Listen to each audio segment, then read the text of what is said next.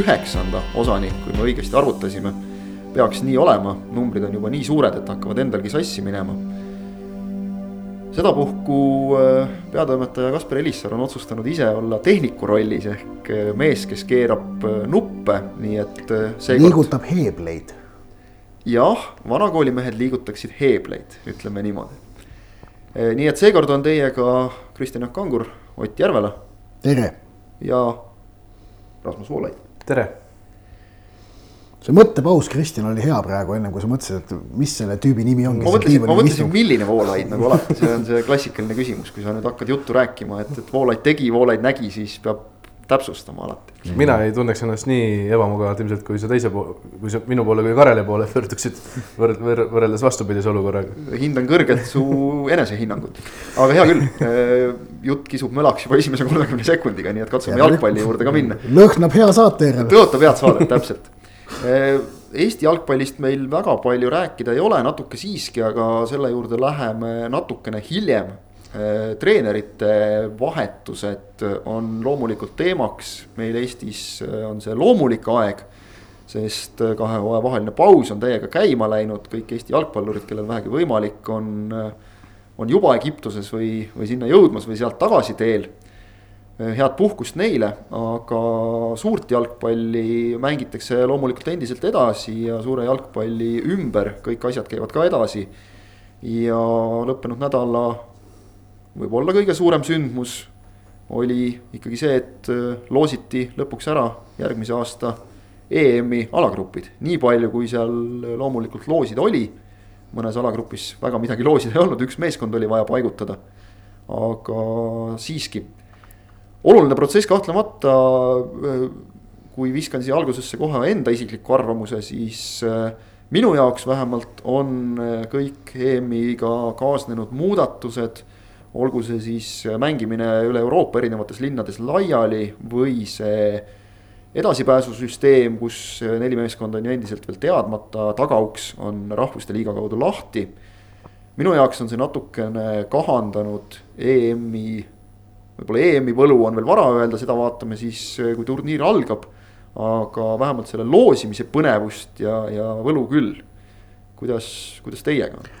Ja selle, läheme kõigepealt selle juurde, et see kaheteistkümnes linnas mängimine, siis äh, tegelikult see ei olnud ju UEFA selline tingimata vaba valik, vaid kui Michel Platini, toonane UEFA president, selle välja kuulutas, äh, siis ta küll äh, serveeris seda kui sellise UEFA ideoloogilise mm, noh, käiguna et nad tahtsidki seda teha ja et see on, äh, näitab ühendatud Euroopat ja annab suurturniiri väga paljudele.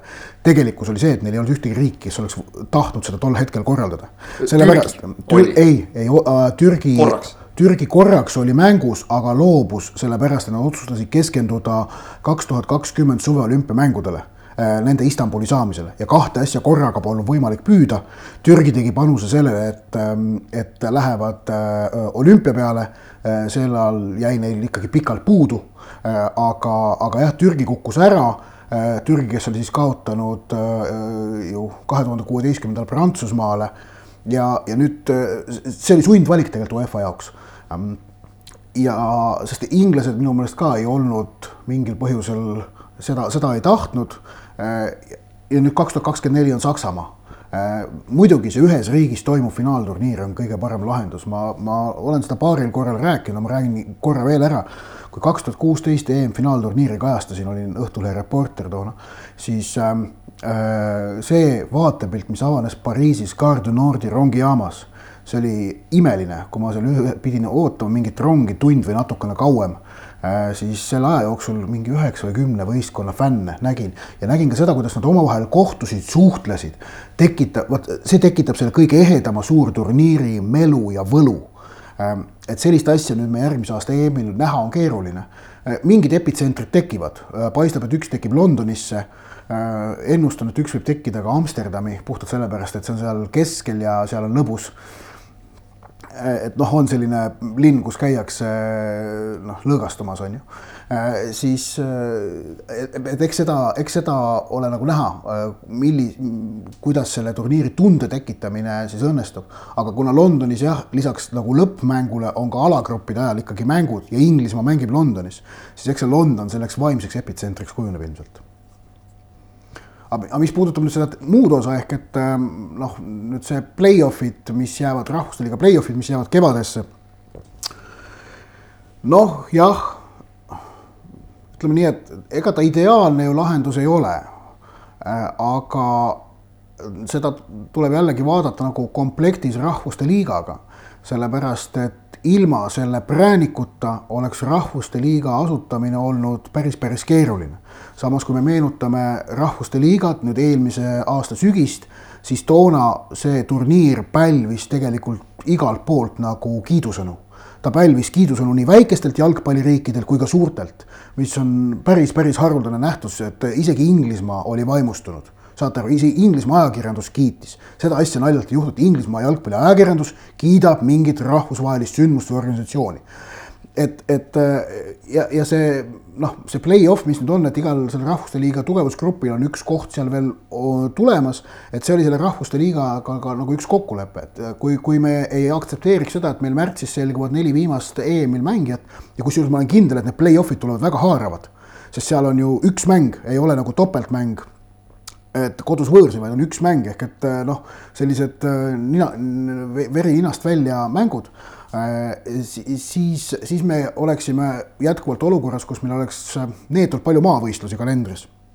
ja tuleb tõdeda, et maavõistlused tegelikult võrreldes nagu punktide peale mängudega on ikkagi nüüd, kui neid punktide peale mänge on olnud rohkem, siis need maavõistlused on ikkagi selline noh, mitte niivõrd äge kaup see on ilmselt ka see põhjus, miks inglased positiivselt suhtusid rahvuste liigasse, sest nemad on ju olnud need kõige suuremad äh, hädaldajad ja kurtjad alati, et äh, et, et maavõistlused väiksemate riikidega ja kellegi viis-null võitmine on, on jube mõttetu ja ei anna midagi juurde ja selle taha on hea pugeda, kui suurturniir algab, et vot me ei ole saanud suurtega mängida, sellepärast me jälle põrume.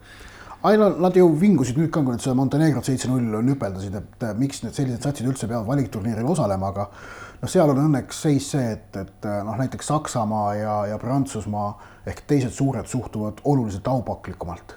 Äh, ka Hispaania ja Itaalia, et, et noh see, see vist on see inglaste klassikaline see jalgpalli sünnimaa mingi privileeg, mille nad on nagu endale võtnud, et keegi teine on alati kuidagi. jaa, nad on selle ise endale võtnud, aga keegi pole neile seda kunagi andnud. sellel läks ju Rahvuste Liiga hästi ka, see üks põhjus olla, miks nad sellega rahul olid, nad jõudsid ju.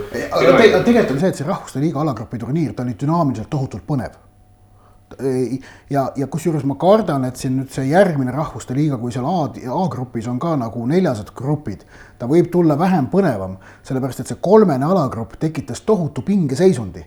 üks kaotus ja sa olid kohe väljalangemise ohus. noh, Saksamaa langeski välja, saate aru, kujuta ette, noh, relegated, Deutschland, die Mannschaft, see on piinlik, häbi on ju, et selline asi tekitas kohe pingesituatsiooni no Saksamaa oli vaatamata sellele EM-il veel esimeses tugevus. Nad olid EM-il esimeses tugevusgrupis, aga ma arvan, et nad võivad EM-il ka alagrupist välja langeda. kui selle juurde edasi minna nüüd. jah, tahtsingi just minna alagruppide juurde, et kui me juba alagruppidest rääkima hakkasime, siis noh, asi, mis on alati lahutamatult ja käib kõikide suurturniiride loosimistega kaasas, on see, et kas me saame surmagrupi. noh, sisuliselt justkui saime sellepärast, et kui meil on ikkagi ühes grupis äh, kaks viimast maailmameistrit ja, ja valitseb Euroopa meister, siis see pluss rahvuste liiga võitja, eks ole, siis, siis noh, nagu tiitleid seal, seal jagub rohkem kui meeskondi on, et, et siis on, siis on kõva. teisest küljest, mis minul nagu, mida ma jäin mõtlema ja vaatama, on see, et äh, ärme unustame seda, et äh, kahekümne nelja meeskonnaga EM-il on võimalik alagrupist edasi minna ka kolmanda kohaga ja arvestades näiteks, kuidas äh, sai ju edasi äh, eelmiselt turniirilt äh, Portugal kolme viigiga, eelviimase meeskonnana väravate vahe oli neil neli-neli. viimane oli vist Põhja-Iirimaa, kui ma õigesti mäletan. ja, ja, ja mindi edasi, mindi lõpuks finaali välja, pandi EM kinni. et kas me sellisel juhul nagu saame sellest surmagrupist tingimata rääkida, sest arvestame seda, et see on veel muidugi nüüd lahtine, see on jälle üks asi, mis on natukene võib-olla liiga keeruliseks aetud. tulenevalt nendest rahvuste liiga play-off idest sõltub seal sellest, kas, kas Rumeenia saab edasi või mitte, sest nad on üks korraldajatest, siis paigutatakse jälle ümber igaks juhuks loen lugejatele selle ka ette, sest et noh, tõesti ausalt öeldes endalgi siin igapäevaselt jalgpalli sees olles on raske orienteeruda, aga on suhteliselt suur tõenäosus, et keegi nelikust äh, Gruusia, Valgevene, Põhja-Makedoonia, Kosovo satub sellesse, sellesse surmagruppi, kus on sakslased, prantslased ja, ja portugallased. Nii et, et, et kas, kas nagu on, on see nagu, on see nagu, on see nagu surmagrupp ikkagi siis? no seal esimene asi on see, et, et kõige paremas seisus on Portugal sest nemad mängivad selle neljanda satsiga esimeses voorus. ja esimeses voorus omavahel lähevad vastamisi Prantsusmaa, Saksamaa. ehk et Portugali jaoks on selles mõttes, et kui nad esimese mängu suudavad võita, kolm punkti juba olemas, selle pealt äh, oleks edasipääsust ilmajäämine noh, eelmise EM-i praktikale tuginedes pigem keeruline. Äh, kui saavad ühe viigi kätte, siis nelja punktiga läheb juba suht kindlasti edasi et, et selles mõttes ma arvan, et Portugali seis on sealt selles mõttes äkki kõige parem, noh, eeldusel, et nad muidugi alati võib juhtuda, et saavad esimene mäng noh, mingi üllatuse ja noh, seda võib nagu juhtuda ehm,. surmagrupp, ta ikkagi on, on ikkagi sellepärast, et ta paneb need pinged peale neile osalistele. Ehm, ja kusjuures ja nüüd on huvitav näha see, et, et kas ja kuivõrd palju ehm, paneb pingeid peale need eelnevad tulemused, sellepärast et kuna see on F-alagrupp, ta mängib oma vooru viimasena. Ehk et nad näiteks, näiteks noh, alagrupi turniiri nii teises kui kolmandas voorus kui nemad lähevad väljakule, siis nad suurte eel- te,, te, teise vooru lõpus, nad juba teavad, et kuidas nagu ülejäänud gruppides kaks esimest vooru on läinud.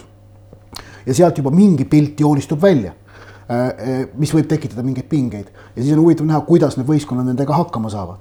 ja kindlasti on siis kolmandas voorus see, et noh, nemad teavad, mille peale nad peavad mängima, et edasi saada et eh, see, see nagu noh, need pinged kahtlemata on ja, ja, ja, ja just nimelt põhjusel, et noh, neil kõigil kolmel lasuvad ikkagi väga suured ootused, ka Portugalil.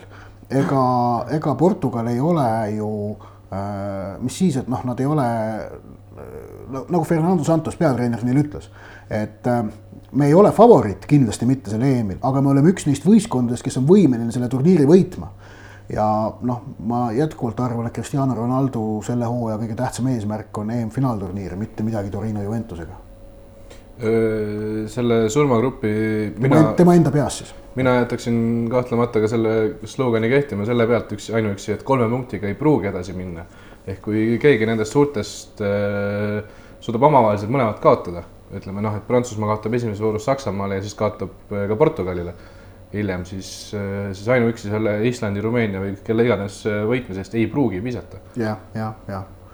et, et selles mõttes noh, meeldiv grupp, aga samas tõsi on ka see, et neid nagu noh, tugevaid gruppe on ju tegelikult veel neid noh, ägedaid gruppe ja ma tooksin välja ainult ühe grupi, mis on nagu noh, selline silmatorkavalt äh, lihtsam enne kui sa selle juurde hüppad, tõesti Rasmus mainis väga õigesti, et ka Island võib täiesti vabalt näiteks mhm. sellesse mm -hmm. gruppi minna. ma väidan, et kui Island sinna gruppi läheb, ta, Island on, kui Island juhtub edasi saama, ta on selle EM üks nõrgemaid osalejaid. Äh, kõik need ülejäänud kolm, tähendab, Island on äh, oluliselt vähem suuteline, ma arvan, tekitama meelehärmi näiteks kui Rumeenia või ka Ungari äh, seal Portugali. no see nelik on siis, et ette oleks öeldud Island, Bulgaaria, Rumeenia, Ungari on see nelik praegu. jah, no Bulgaaria on sealt kõige nõrgem. kui, kui Rumeenia, jah, kui Rumeenia seal võidab, siis, siis seal veel liigutatakse neid ja. meeskondi gruppide vahelt, aga jätka. jah, aga et noh, et see grupp, mis nagu torkab silma, kus nagu noh, tundub, et on lihtsam, on see ja see on see, miks Hollandil on väga põhjust loosiga rahul olla Ukraina on tõesti, nagu ma olen korduvalt siin öelnud, Euroopa top kümme sats hetkel ja väga tugev. Austria ei ole nii hea, kui ta oli enne kaks tuhat kuusteist ah?. Austria kaotas just Lätile. ja, aga tähtsusetus mängus, ütleme nii, et see on nagu natuke teine teema. et aga Austria ei ole nii hea, kui ta oli kaks tuhat kuusteist EM-i eel, kuhu nad läksid tegelikult ju vaatati isegi veerandfinaali kohta püüdma ja lõpuks ei, ei pääsenud alagrupistki edasi. Ja nad ei ole nii head. ja noh, praeguse seisuga on seal siis selle D-divisjoni edasipääse ehk et äh, Gruusia, Valgevene, Makedoonia või Kosovo. et see on nagu silmnähtavalt lihtne grupp äh, või noh, lihtsamat sorti grupp märkimisväärne on ju see ka, et äh, Hollandi enda alagrupis valikgrupis teiseks ja sai nii-öelda raskema loosi, nemad jäid teise tugevusgruppi erinevalt Saksamaast yeah., kes sai teoorias lihtsama loosi ja noh, näeme, näeme ka seda praegu. just, just ja noh, aga, aga ma arvan, et Hollandil on väga palju põhjust loosiga rahul olla ja Ukrainal samamoodi ja noh, Ukraina noh, ma ei tea, on mul nagu mingi enne kõhutunded veavad ju alt, on ju, aga Ukraina võib olla üks selline must hobune seal järgmise aasta EM-il, et, et noh, seal nagu näha on sellist äh, selget tõusutrendi ja sellist noh, selget eneseusku selles võistkonnas et ähm, paistab ka see, et, et seal nagu Ševtšenko peatreenerina on suutnud tekitada selles koondises just nimelt õhkkonna, kus kõigile Ukraina mängijatele see koondis on väga-väga tähtis. ja see on teatavasti nende noh, tippriikides sageli noh, see üks mure või probleem, et kuivõrd palju need mängijad ikkagi seda koondist väärtustavad. miks ähm, noh, just see, kuidas Inglismaa, millega Inglismaa tegelikult eelmise aasta MM-il lõpuks edukas oli, oli see, et Southgate pani ähm, mängijad koondisesse tohutult uskuma Ukrainat muidugi tegelikult on siin mustaks hobuseks nii mõnelgi turniiril varem peetud ja nad on põrunud, nii et ja, äh, saame näha. Äh, lähme kohe oma sõprade soomlaste juurde ikkagi. Äh, Soomel noh, selge on see, et, et Belgia selles B-grupis on, on selge soosik. Vaadates kasvõi kuidas nad Venemaad kloppisid siin, siin valikgrupis. seal oli ikka, noh, Venemaa tegi tegelikult väga korraliku valikturniiri, aga seal see klassivahe, see oli, see oli karm ja, ja soomlastel esimene mäng kohe Kopenhaagenis Taaniga, seal on juba, ma saan aru, nii-öelda saak käima tõmmatud, ehk noh, taanlased juba lähevad sellest mängust endale tabelisse kolme punkti kirjutama. kui head soomlaste võimalused, ütleme vähemalt siis seda kolmandat kohta püüda selles grupis võiksid olla, ilmselt sõltub väga palju sellest esimesest mängust Taaniga ikkagi. Ja ma usun küll, et Taani on see meeskond, keda on kõige, kõige, keda, keda peaks Soome võtma orientiiriks, et, et nagu edestada, kui soovitakse kolmandat kohta püüda, sest äh, Venemaa, ma kardan, et on ikkagi nagu, no nad näitasid juba MM-il, et neis on seda suure mängu kvaliteeti ikka natukene, natukene rohkem kui, kui jah, Belgiale, Belgiaga läks nüüd natukene halvasti valikgrupis, aga aga Belgia on kindlasti selle grupi favoriit ja ma usun, et sama kindlalt on teise koha favoriit Venemaa kui, kui, kui Belgia suur favoriit. mul on tunne, et Soomel läks loosiga halvasti.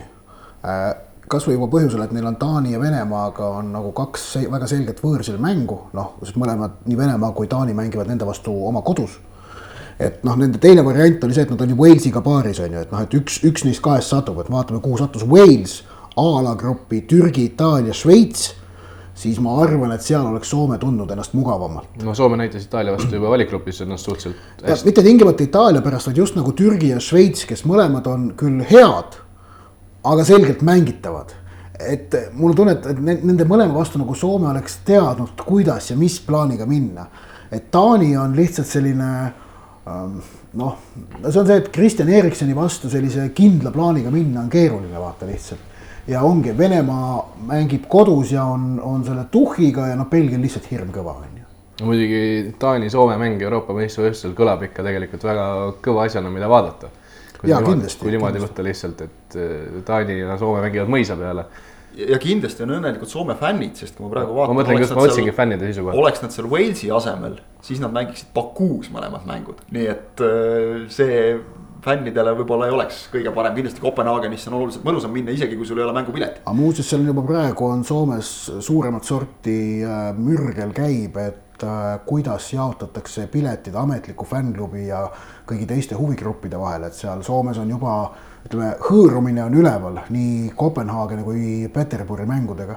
et seal nagu noh, piletite, see on see Pohjaiskaar, mis on see soomlaste fännitribüün, mida öö, siis kuhu nagu lähevad või kuhu minnakse reeglina noh, sellise poolametliku koondise fänniklubi kaudu, noh midagi sellist, nagu meil on jalgpallihaigla.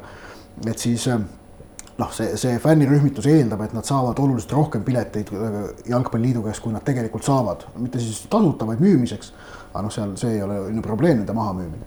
et äh, ühesõnaga EM-ile äh, pääsemisega kaasnevad kõik säärased probleemid ka, aga see muidugi ei ole üllatus. no siia tsiteeriks jälle seda klassikalist, et, et kui see on kriis, siis sellises kriisis võiks elada. just, nõus äh, juba mainisime ka seda, seda A-gruppi tõesti siis Türgi, Türgi, Itaalia, Wales, Šveits.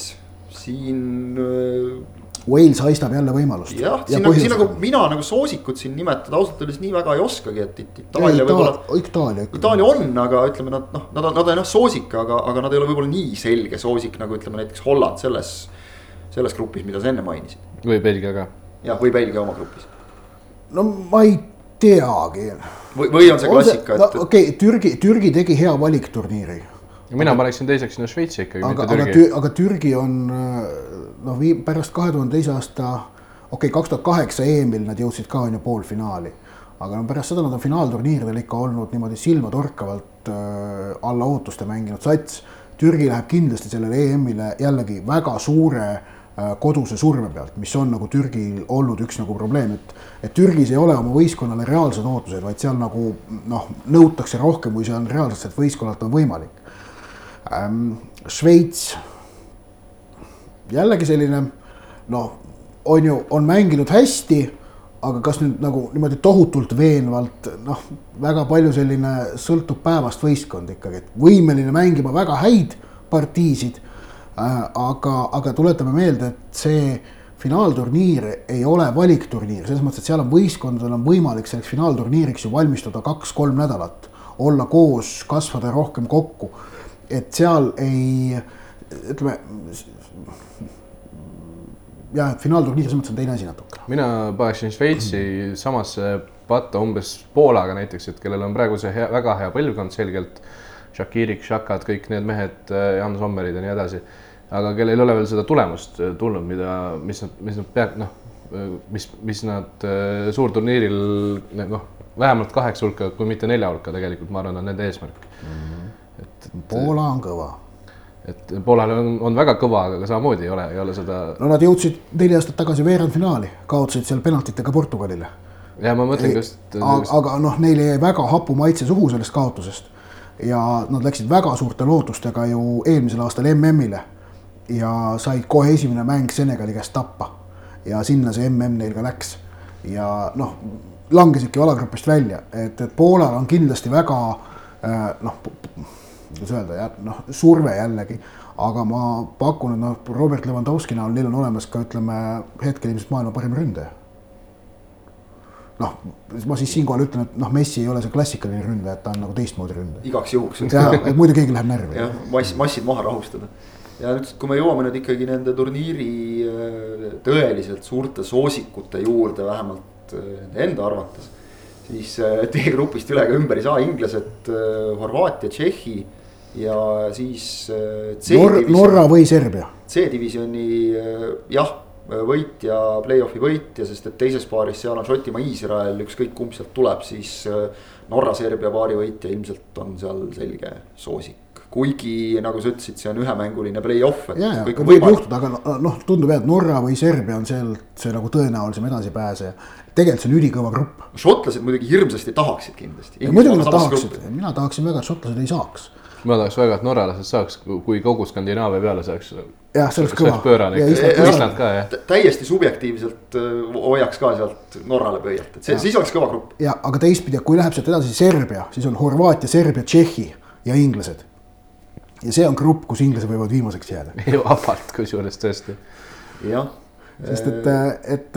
et kui me nüüd räägime surmagruppidest, siis ja. alati on nagu see, et, et on, on see, on see klassikaline surmagrupp ja siis on üks selline, mis nagu alguses libiseb radari alt läbi. ja kui sa siis hakkad mingil hetkel enne turniiri neid võistkondi vaatama, siis vaatad, et kurat, siin tuleb andmine.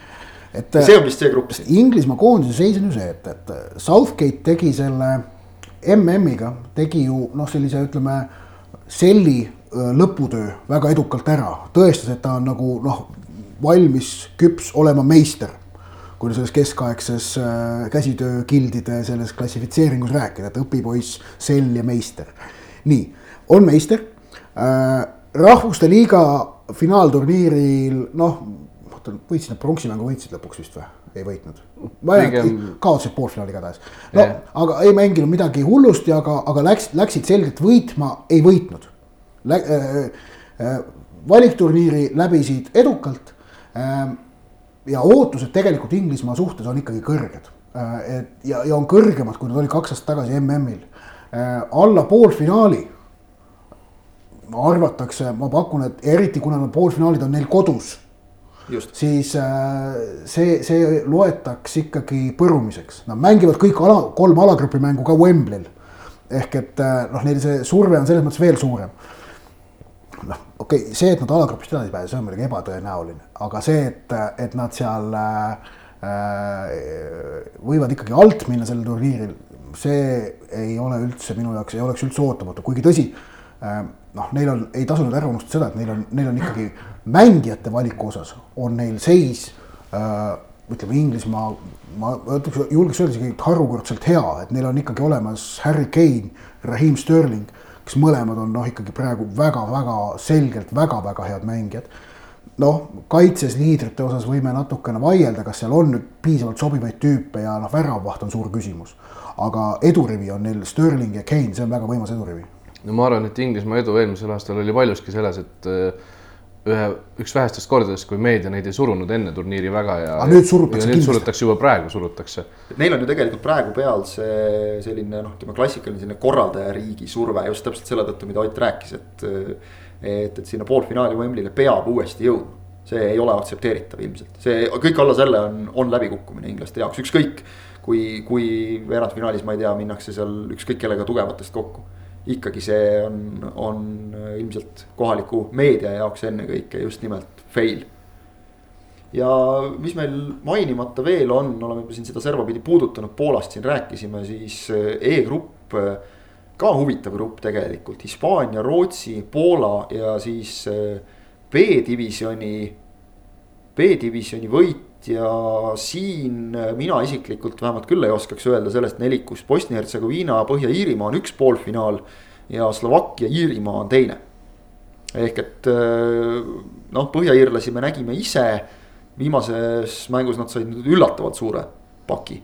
kuigi läksid kohtumist juhtima isegi Saksamaa vastu ja said üks-kuus lõpuks. Iirimaa on noh olnud ka kogu aeg selline minu arust kõik, kõik, kõik, kõik neli satsi on piisavalt kehvad, et sealt nagu midagi ennustada ei saa. just, Bosnia-Hertsegoviina tegi tegelikult noh, ikka enda kohta päris kehva valikturniiri ja, ja. Bosnia oli Soome grupis, eks ju see. jah, just ja. kaotasid seal Armeeniale ja, ja tegid igasuguseid muid trikke ja kaotasid näiteks Armeeniale seda mängu, mäletan. vaatasin ise ka, et kaotasid täiesti teenitult armeenlastele. Ja, ja Slovakkia on noh, samamoodi olnud juba tegelikult aastaid selline noh, piiri peal, aga täpselt ei, ei midagi erilist, et, et see grupp tegelikult noh, selge ilmselt on, et kes sealt sellest B, B-divisjonist tuleb, see on. on nagu, nagu on ka loogiline selles grupis see, see kõige noh, nõrgem meeskond, kui me saame EM-i puhul üldse mingitest nõrkadest meeskondadest rääkida, aga. Hispaania puhul on alati huvitav vaadata no seda, kuidas siis Luis Enrique tagasitulek äh, läheb. kas võistkond, kuidas võistkond ta omaks võtab, ju ta võtab, sest et noh, nüüd on niivõrd palju aega mõelda sellele ja, ja. ega mehed tahavad ka mängida ikkagi. ja, ja, ja ikkagi Poola, Poola on see, kes on äh, minu jaoks selline põnev sats. ka, ka turniiri selline äh, must hobune ikka. Rootsi mitte nii väga, kusjuures ma pakun, no e-, eks Rootsi võib ikka teha oma tavalise ära, et kuueteist hulgas, äkki isegi kaheksa hulgas, aga. Rootsi on jah, see on tegelikult aastaid juba olnud selline stabiilne, täpselt noh, klassikaline Põhjamaade sats, teeb oma ära, aga ei sähvata aga neil vist ei ole ka tegelikult praegu ju kedagi, kelle pealt nii-öelda sähvatada kõiki neid Zlataneid või isegi. Krankvist ja penaltid. Jah, natuke raske on sähvatada aga, aga noh, võtame kasvõi omal ajal Toomas Proliine ja selliseid, selliseid mehi rootslastel nagu ei, ei olegi peale Zlatanit tegelikult peale tulnud vist eriti. jah, John Guidetti päris nii hea ei ole.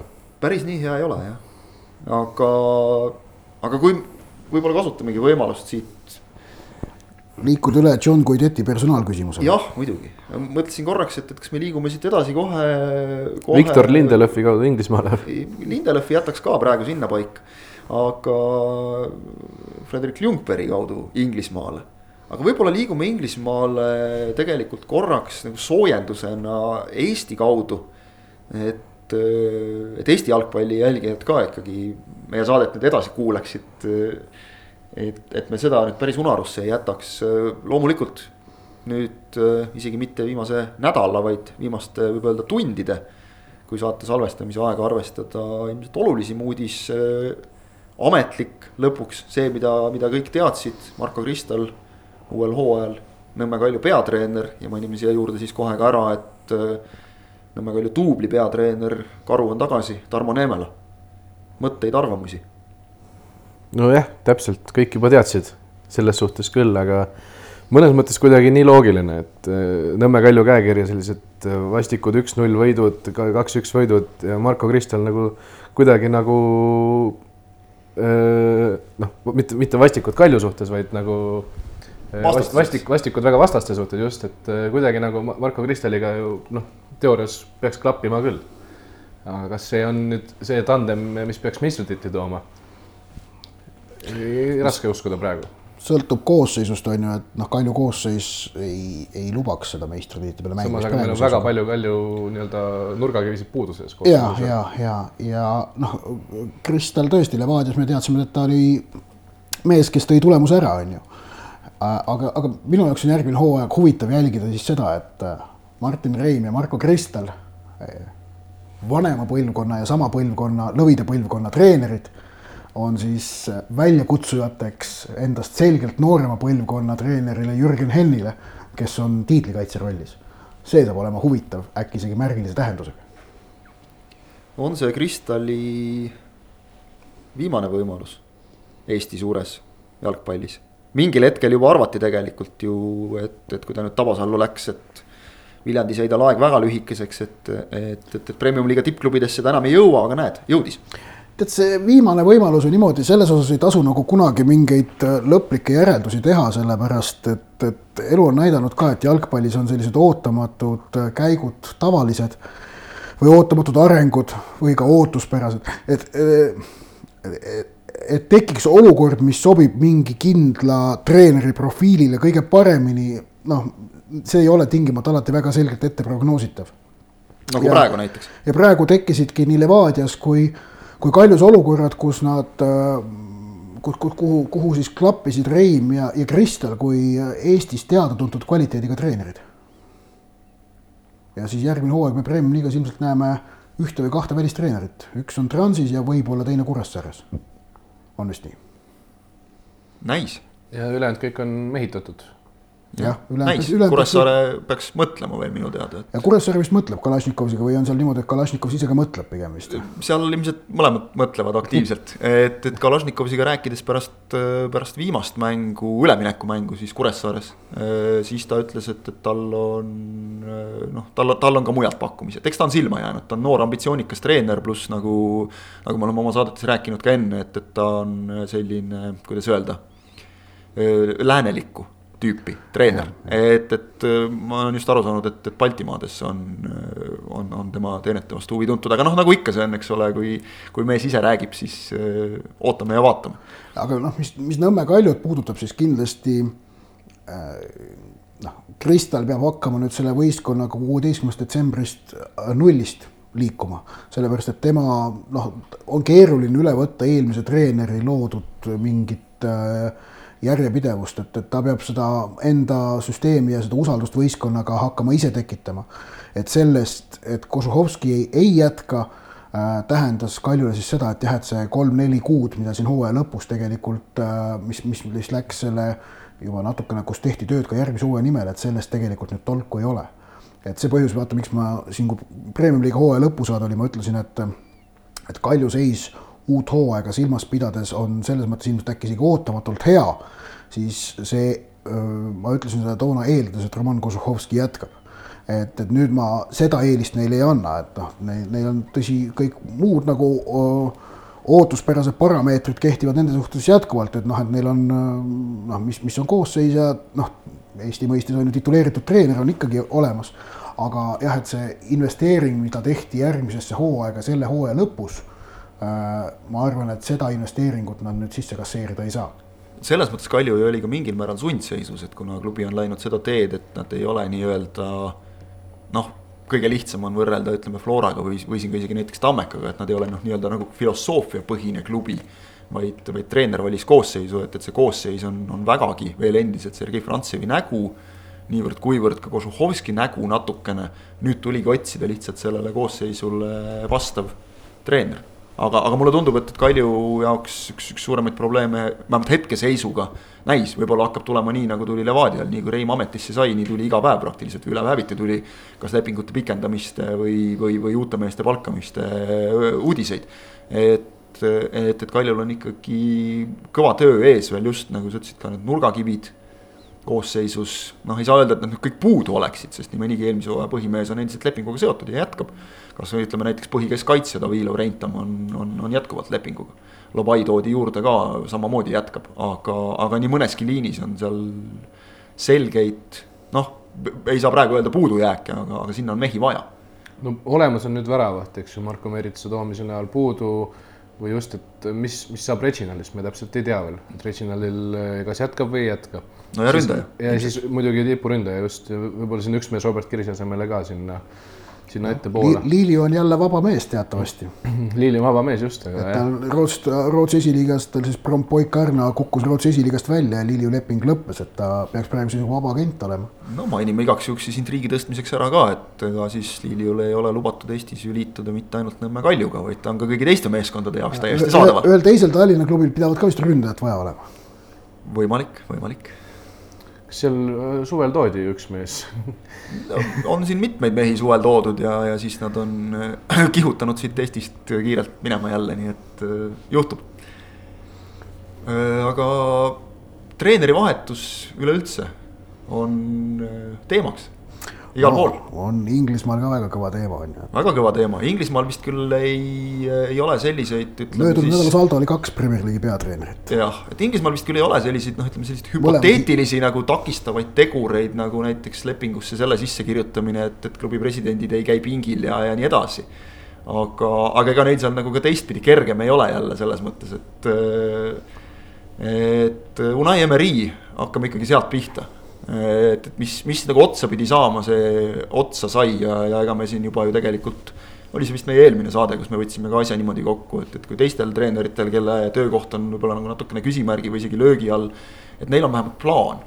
et Emeril vist ei, ei olnud lõpuks ikka mitte midagi ja, ja lõpuks läks see asi nagu Inglise vutimeediast lugeda võis ka päris inetuks, et, et seal hakkasid noh, mängijad juba nagu avalikult peatreenerit ja, ja tema keeleoskust või oskamatust mõnitama, et. et see vist annab märgi, et tegelikult ütleme nagu vähe parem juhtkond oleks selle otsuse äkki isegi teinud julgelt varem ära. no vähe parem juhtkond oleks ka taganud olukorra, kus peatreeneril on adekvaatsem meeskond. Äh, ja sobivam meeskond tema oskuste jaoks ilusti öeldud.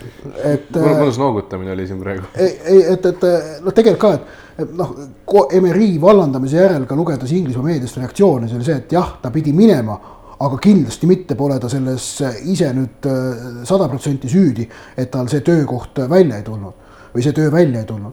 et äh, seal ikkagi Arsenalil on sarnaselt Manchester Unitedile on vaja ikkagi läbi viia sügav sisemine juurdlus. et äh, kui, kui Alex Fergusoni asendamine on osutunud Unitedi jaoks võimatuks seni, siis Arsene Wengeri noh, ei, ei tasu arvata, et Wengeri asendamine oleks lihtsam kui üks peatreener on ühte klubi niivõrd pikalt tüürinud, siis äh, selle suunamuutuse või ütleme, ülemineku läbiviimine on neetult keeruline. ja noh, United on ju sipleb praegu seitsmendat hooaega järjest selles, selles keerukuses. Äh, Arsenalil on nüüd käimas teine hooaeg ilma Wengerita, tõsi, seal on see, et ka Wengeri viimased hooajad on juba sellised, kus nagu noh, kippus see laevukene nagu kursilt kalduma, erinevalt Fergusonist, kes oli noh, lahkus meistrina, on ju et, et ega seal Arsenalil midagi nagu lihtsalt ees ei oota. kusjuures oligi, et hoo eel nagu tundus, et pagan, et äkki see Arsenal on sel aastal tõesti see üllatusvõimeline. aga tegelikult on selleks osutunud hoopis Chelsea on ju. ja Arsenal on mänginud alla võimete. noh, Mesut Özil peaks olema selle võistkonna liider, aga ta ei, teda ei suudeta mängima panna, on ju. kas seal on jällegi ainult Unai Emery viga, noh, mine sa võta kinni no,. et, et, et see seal, seal on ikkagi jah, selline kuidas öelda, kas, kas äkki, äkki on paslik kasutada sellist väljendit, et nagu selline, ma ei tea, läbimõeldud sportlik struktuur puudub või midagi sellist, noh no Arsenalil on see puudunud ju siin ka mõnes mõttes mõne klubiga võrreldes tükk aega, nüüd on siis tehniline direktor Edu, meeskonna endine mängija, et, et noh, tehakse sedasama, et, et ikka. kus, kus häda on käes, siis, siis otsid oma klubi legendid üles Fredrik Ljungberg samamoodi, kes, kes toodi ju tegelikult äh, duubelmeeskonda ehk siis seda U kakskümmend kolme juhtima, sealt edutati siis suvel esindusmeeskonna juurde ja, ja nüüd siis äh,. nüüd siis asenduspeatreeneriks äh,, samas viimane mäng Norwichi vastu näitas, et, et mingid Arsenali hädad ikkagi ei ole absoluutselt sõltuvad Unai Emerist. kohe tekib ikkagi küsimus, et, et kui suvel toodi Nicolas Pepe seitsmekümne kahe miljoni eest. Ja, ja nüüd näiteks äh, Bukayo Sako tuleb tema, enne teda vahetusest sisse olukorras, kus Arsenalil on väravat vaja, kaheksateistaastane klubi oma kasvandik. ja, ja kohe tekivad muidugi küsimused, et, et seitsekümmend kaks miljonit Pepe peale, tore küll. aga kui meil on sellised keskkaitsjad, kas ei oleks võinud sinna kulutada, nii et täpselt need, need asjad, mida sa ütlesid, et et, et siin Emeril ka mingis, mingites olukordades on nii-öelda vaip jalge alt nagu natukene ära tõmmatud. Ja et äh, tegelikult on see, et Unitedi puhul me alles nüüd noh, selle kuuenda hooaja keskel hakkas siis paistma, et äh, klubi leidis, et on võimalik. no, no seal ennem olid sellised lühiajalised strateegiad, nüüd on selgelt Unitedis näha, et on, on lepitud sellega, et kiiresti midagi parandada pole võimalik see, kuidas see, millised mängijad osteti suvel, on ju James ja Van Bissaka ja äh,. Maguire. Maguire on ju, ehk et äh, on, on lepitud sellega, et see ülesehitustöö kestab pikalt, ka see praegu, kuidas Sulcher noh, ei suuda tulemusi tuua, noh nüüd äh, okei okay,, see Astana kaotus, see polnud üldse tähtis, aga küll aga nüüd jällegi see Aston Villaga kaks-kaks viik. et, ähm, et noh, Unitedis paistab, et ollakse lepitud sellega, et äh, see halb aeg tuleb üle elada ja siis on lootust nagu paremale tulevikule. Et Arsenalil on vaja nüüd samamoodi selline pikaajaline strateegia võtta kuidagi, aga, aga noh, Edu alles alustas oma tööd, et eks näis, millal ta selleni jõuab.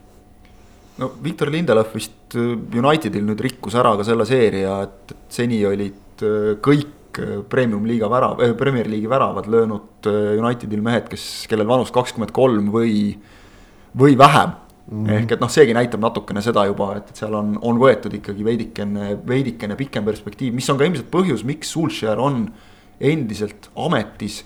kuigi tegelikult noh, kõik objektiivsed näitajad, kõik tema võiduprotsent, kõik äh, tabelikoht, okei okay,, ta ise ütles ka, et see tabelikoht ei ole tähtis ja võib-olla tõesti see koht ei ole tähtis, sest kui näiteks eile oleks Villat võidetud, siis United oleks viies ja noh. Poleks nagu midagi õiendada, nad oleksid vist kuue punkti kaugusel neljandast kohast, mis tegelikult ei ole üldse kohutav yeah.. aga, aga ikkagi just, just nagu sa ütlesid, et, et noh. mingites mängudes joostakse samade rehade otsa ja näis palju. Sulcherile aega antakse, seal ilmselgelt meeskond veel usub, ehk et nii hapuks ei ole läinud, nagu, nagu läks ikkagi näiteks Tottenhamis, kus tehti vahetus ära ja võib vist praegu esimeste mängude järel ikkagi öelda, loomulikult on see alatine see uue treeneri eh, sündroom ja, ja kõik need asjad, aga, aga Murillo on tagasi. Murillo on tagasi ja täiega tagasi, et on tõesti, et, et ta on, sai piisavalt puhata ka, et mees ikka täiega kaifib seda, mida ta teeb ja, ja päris uskumatu, et tema meeskonna, tema meeskonda iseloomustavad kolm-kaks võidud, sellist nagu esimesed kümme-viisteist aastat Murillo treeneri karjääris iseloomustasid rohkem üks-nullid, kaks-ühed, kaks-nullid võib-olla aga, aga nüüd äh, mängib äh, meeskond sellist lõbusat jalgpalli, tal on kõik need äh, Tottenhami jokkerid ka, Keini on saanud väravaid lööma kõvasti, Dele Alli, täiesti radarilt kadunud mees. Täiesti pildilt maas oli ja, ja, ja ilmselt Dele Alli ongi nüüd suurim nagu noh, nii-öelda Murillo leid, nagu öeldakse, like a new signing, nagu inglased armastavad öelda. sellised noh juba rumala jalgpalluri prototüüpi edasi kandnud Serge Aurierid ja siuksed mehed on ju ka mängivad, mängivad jalgpalli ja, ja mängivad nagu täiesti korralikul tasemel tuleb välja. inglastel nagu see, see treeneri karussell on selles mõttes mõjunud liigale väga positiivselt, et on, on mõnusalt kihama löönud, muidugi üks, üks halb asi on no,, ma kohe, kohe kasutades võimalust, mainin selle ära, üks väga halb asi on loomulikult see, et on olemas Liverpool. sellepärast, et Liverpool rikub kogu selle liiga põnevuse lihtsalt täielikult ära sellega, et ainult võidavad, võidavad ka mänge nagu, nagu näiteks viimases voorus Brightoni vastu, mis ütleme. kaks aastat tagasi oleks tõenäoliselt mängitud kas viiki või, või, või tappa saadud, aga ikkagi hoolimata Alissoni punasest kaardist ja ja kohe pärast seda ütleme ise sisse imetud jaburast väravast ikkagi võideti kaks-üks ja ma tahtsin öelda, ma igaks juhuks vaatasin just Evertoni Twitterit, et Everton ei ole veel vallandanud oma peatreenerit. aga hästi, ma ei ole kahjuks kohtunik ja ma ei oska seisukohta võtta selles suhtes, et ma ei taha Adrianit kaitsta mitte kuidagi selle, selle tegutsemise juures, et, et kas ta oli süüdi või ei olnud, aga ikkagi kummalisel hetkel andis kohtunik minu jaoks selle vile, et nüüd võib seda karistuslöögi nagu teele saata, kui kui väravat alles müüri sättis veel posti juures. jah, see oli siis olukord, kus äh, Alisson oli saanud punase kaardi selle eest, et mängis karistusalast väljaspool käega, võttis ilmselge värava võimaluse ära ja, ja tema asemele tulnud Adrian pani siis selle samast, sellest samast olukorrast määratud karistuslöögi eel müüri paika, kui, kui siis ühel hetkel kohtunik otsustas, et nüüd võiks ju lüüa. ja, ja löödi ära, nii et äh, oli Liverpoolil jälle vaidlemist, aga, aga mingit vaimutugevust see ilmselt ikkagi näitab, et kümnekesi mängides viimased kakskümmend minutit äh, üheväravalises kaotusseisus. tegelikult ikkagi Adrian ühe korra küll üritas veel palli väravasse sokutada ise, aga, aga ikkagi peeti vastu. no see, kuidas ikkagi nüüd Liverpool on vaatamata sellele, et jätkuvalt nad ei ole suutnud nullimänge teha. Alisson sai kirja nüüd endale nullimängu. okei okay,, jah, äh, pole suutnud nullimänge teha, aga ikkagi suudavad tulemusi võtta. nädal või kaks tagasi ma olin veel veendunud, et see on Liverpooli jaoks ohumärk ja Man City jaoks annab äh, lootust. siis nüüd see möödunud nädalavahetus on mu arvamust nagu selgelt muutnud, et, et äh, kui Man City ei suuda äh, tulemusi vormistada ikkagi jälle ja, ja Liverpool vaatamata kõigele sellele võtab, võtab tulemuse ära ning nüüd on nende kahe satsi vahe juba üksteist punkti. siis, siis siin on väga keeruline näha praegu ikkagi seda, et kuidas Liverpool sellest tiitlist ilma jääb, et. et noh, muidugi kataklüsmid on võimalikud ja kahtlemata City's on olemas see kvaliteet, et nad on suutelised saavutama mingi sarnase, sarnase rütmi, nagu nad eelmise hooaja lõpus saavutasid. aga, aga see edu on praegu juba väga suur ning. Äh, see on neli võitu. jah, ja, ja, noh, huvitav on näha, kuidas see siis läheb, aga ma pakun küll, et Liverpool on, on meistritiitli osas noh, ütleme, no ikka seis on väga hea, jah millal me hakkame rääkima samamoodi, sama küsimus, mis oli siin kolm hooaega tagasi, et millal me hakkame rääkima Lesterist kui tiitlisoodikust. millal me hakkame rääkima Lesterist kui Liverpooli suurimast äh, see oleks küll naljakas, kui Liverpool jääks ilma tiitlist sellepärast, et Lesterile alla sellepärast, et Brendan Rodgers selle tiitli kätte saaks. jah ja., see, see meenutaks muidugi seda täiesti klassikalist Lesteri esimest tiitlihooaega, kus äh, Tottenham hiilgas sellega, et suutis kahe meeskonna võidujooksus kolmandaks jääda mhm. aga äh, Lester jah, sai siis äh, tänu Varrile, neile Varr ilmselt väga meeldib praegu üleminutite võidu kätte Evertoni vastu, nagu sa Rasmus õigesti ütlesid, et Marko Silva vallandamise teadet vähemalt saate lindistamise hetkel veel ei ole tulnud, võib-olla tuleb siin. Äh, Evertoni fännid äh, pakuvad äh, lahkesti juba Marko Silvat Watfordi uueks peatreeneriks, sest sealgi käib mingisugune arusaamatu tantsetrall, nii et. Kike Sanchez Flores sai vist kinga ära juba. ja, ja, ja tema sai juba kümme mängu sai lausa ametis ja. olla, teist korda tuletame meelde, temaga juba siin eelmisel hooajal alles prooviti ja.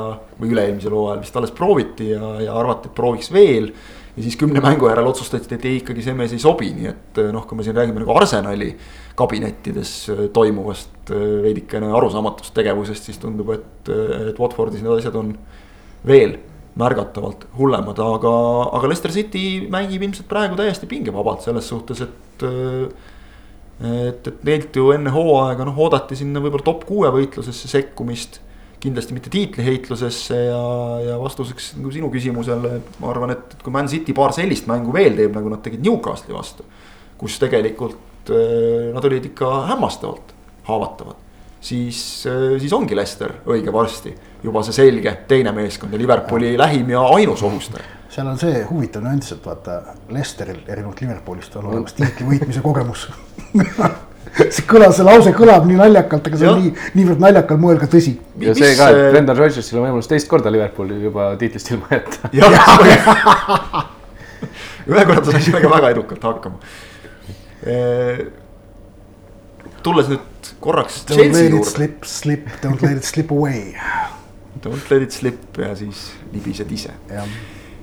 kaunid hetked, kaunid hetked. just ainsad, millega Manchester Unitedi fännid ennast veel lohutada saavad. absoluutselt, jah. ja juba ilmselt juba, juba aastaid ja veel aastaid tõenäoliselt. aga kes nii-öelda nagu radari alt läheb ja, ja samas äh, pilku püüab kõige paremas mõttes, on äh, Chelsea. kes muidugi näitas nüüd viimases voorus, et äh, kõik on võimalik, tundub, et Tammy Abrahamist ilmajäämine meistrite liiga mängus, kus ta sai vigastada, see see pani paraja paugu, aga, aga olles näinud ka, ka seda meistrite liiga mängu. kahjuks meistrite liigast nagu väga põhjust pikemalt rääkida ei olegi, sellepärast et, et seal on ikkagi see, mida me oleme siin varemgi arutanud, et.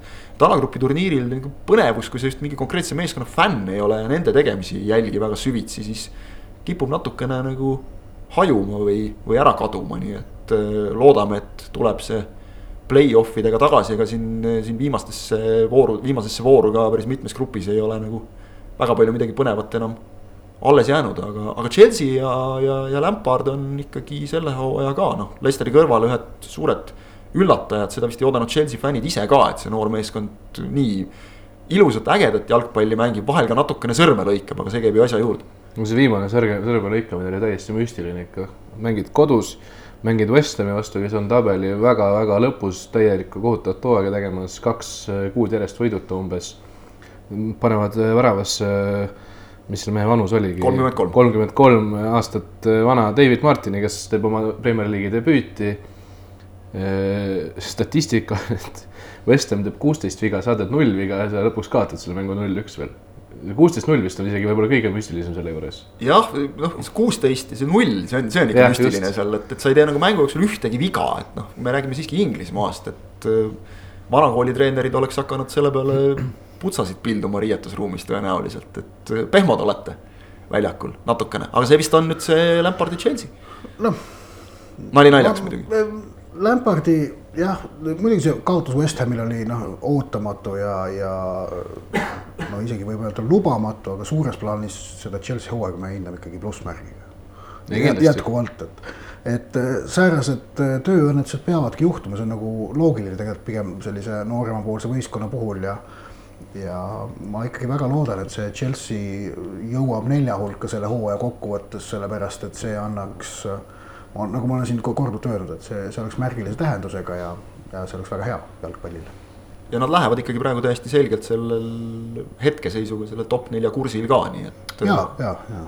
aga Inglismaa liiga, mida me oleme nagu noh, paljud ka, ka me ise nagu haipinud alati selleks hirmus põnevaks ja kõige ägedamaks, et see on kuidagi nagu, et vedur hakkab juba peaaegu maha käima, et Liverpool läheb eest ära, top neli on hakkab ka nagu juba peaaegu selgeks saama ja, ja, ja viimane kolmik tundub nagu päris hädine olevat et.... tead, seal tabeli osas tõesti ei pruugi isegi väga põnev olla, aga samas need mängud ja see asiotaaž, mis nende mängude ümber on ja persoonide ümber. vaat need on need, mis praegu põnevaks muudavad, et noh, ongi Murillo persoon äh,, Chelsea võitlus äh,. Lesteri noh, see võimalus taaskord noh, ka Sulšeri persoon, Unitedi äh, see keeru, keeruline olukord, Arsenali häda. et noh, need asjad tekitavad praegu seda asiotaaži rohkem kui tabeliseis. ja see on see, et mida me tegelikult ju võib-olla nagu elust ja ka jalgpallist otsime, on see lugu ja. selle taga. Just. võtame kasvõi suvalise näitena Southamptoni, kes sai, sai, eks ole, Leicesteri käest null üheksa peksa ja, ja siis järgmises mängus tegi Man City'le kõvasti kõvasti peavalu, samamoodi äh, kiusasid Arsenali ja jäid oma kolmest punktist alles vist kuuendal üleminutil ilma, nii et. et see kehtib endiselt, et kõik kõigiga Inglismaal võivad väga võrdselt mängida mm. -hmm. et meid nüüd liiga Inglismaa kesksuses jälle ei süüdistataks, nagu pahatihti juhtub, siis, siis. kes see süüdistab? mõned on mm.. sa tahad need isiklikult nagu üles otsida, see oli nii. teeme numbrid avalikult. emotsionaalselt kohe küsitud nimed ja numbrid, palun, isikukood. Äh, põikame Hispaaniasse ka korraks, sellepärast et oluline mäng oli äh, Barcelona Atletico ja, ja Lionel Messi tegi seda, mida Lionel Messi teeb, ehk võrdses mängus või isegi mängus, kus tegelikult Atletico jättis äh, väga palju väga häid võimalusi löömata. otsustas Messi ikkagi kaheksakümne kuuendal minutil, et ta mängib Suarezega ühe seinasöödu ja läheb, lööb ära. et selle peale täna kõik neli Hispaania spordipäevalehte, nii Marca Äh, AS, Mundo Deportivo kui ka Sport äh, panid esikaanele sama motiivi, et gol de oro, äh, kuldne värav, vihjega sellele, et täna õhtul noh, umbes sellal, kui meil saade avaldub, hakkab Ballon d'Ori tänavune laureaat selgub ja noh, Messi on seal suur soosik. aga noh, ja kui ta sellega võidab ja ilmselt võidab, siis no eks see eilne värav oli, võttis nagu niimoodi, oli, oli äh, väga sobiv Äh, kuidas öelda, tähistus sellele. et kui me nagu maailmast ühe mehe veel leiame, kellele sobib see särk selga, et mina otsustan mänge, siis Messi vist võiks seda kanda täitsa julgelt. ei no see eilne värav, see on supervärav jällegi ja, ja, ja ikka ja jälle ja suudab ta ära lüüa need olukorrad isegi siis, kui on mängu lõpp või on keeruline seis või sats on halvasti mänginud. et noh, fenomenaalne, fenomenaalne, ei ole, ei ole nagu midagi vaielda siin. ja kui Messi selle auhinna võidab, siis ma arvan, et äh, me võime ette ära ennustada ka Inglismaa lehtede homsed pealkirjad. mõningate, mõningate. jauratakse, no kindlasti Liverpooli omad. Liverpool Eco pealkirju Jaa. näiteks. ei no ma juba, no James Pearce, Liverpooli Eco endine praegune The Athletic'i Liverpooli korrespondent, see juba suutis tõdeda jah, et ei. olgu see Messi, mis ta on, aga Van Dijk ikka ei peaks selle auhinna saama. Van Dijk ei teinud ka muidugi, kui see, võtame selle noh, et Messi sümboliseeriks eilse väravaga seda võitu, siis Van Dijki avaldus ka väga halb ei olnud just mm. -hmm kaks väravat siis Brightonile jah, aga, aga, aga võib-olla tema. no ütleme, kaitsjal on ikka, ikka jube raske seda auhinda võita. eriti Messi ja Ronaldo ajastul. eriti Messi ja Ronaldo ajastul täpselt. aga Ronaldo ajastu, kaua see kestab veel?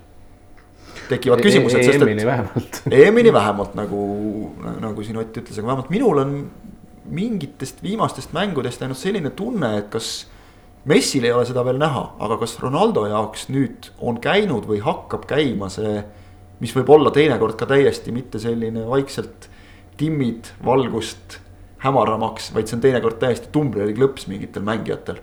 kus see päris, päris tipptase kaob nagu ära, kas Ronaldol võib see aeg olla vaikselt kätte jõudnud?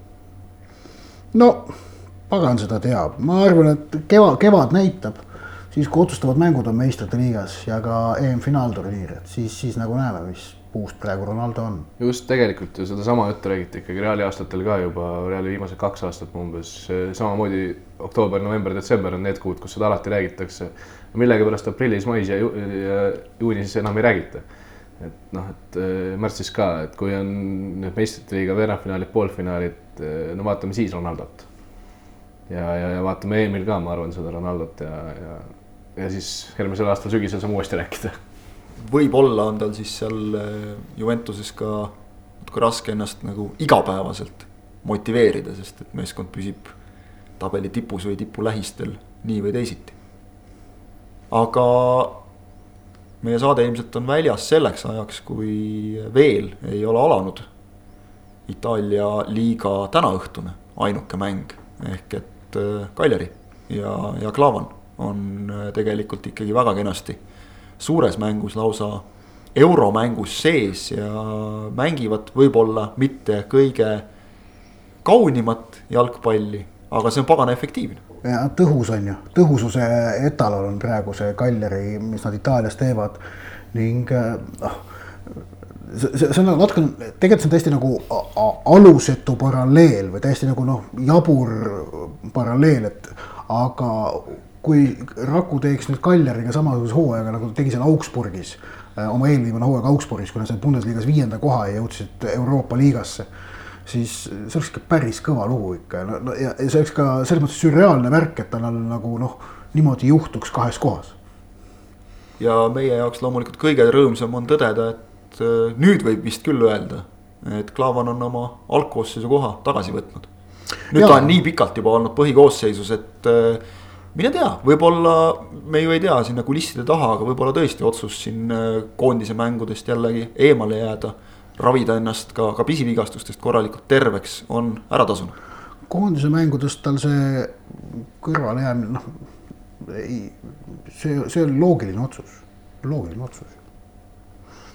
igatahes on äh, rõõm tema üle suur Just. ja mingil hetkel võis tõesti tunduda, et, et nüüd hakkab lõpuks ka see see väga, väga visalt ja kaua terve püsinud keha natukene järele andma, aga, aga tundub, et Klavan on tagasi. ja võib-olla me õpime seda siis alles hindama, kui meil enam ei ole ühte oma meest Euroopa tippliigades, kui kõva saavutus see tegelikult ikkagi on mm. -hmm. aga tundub, et me võime tänasele saatele vist joone alla tõmmata. loodame, et äh, alanud nädal toob meile premium-liigast põnevaid teemasid juurde, ennekõike siis äh, Nõmme Kalju võiks ju hakata nüüd uue peatreeneriga meeskonda aktiivselt täiendama. see oleks kindlasti huvitav. Äh, kahtlemata tabeli teise poole klubidel samamoodi on juba mingisugused, võib-olla kellelgi mingisugused lepingud juba sahtlis.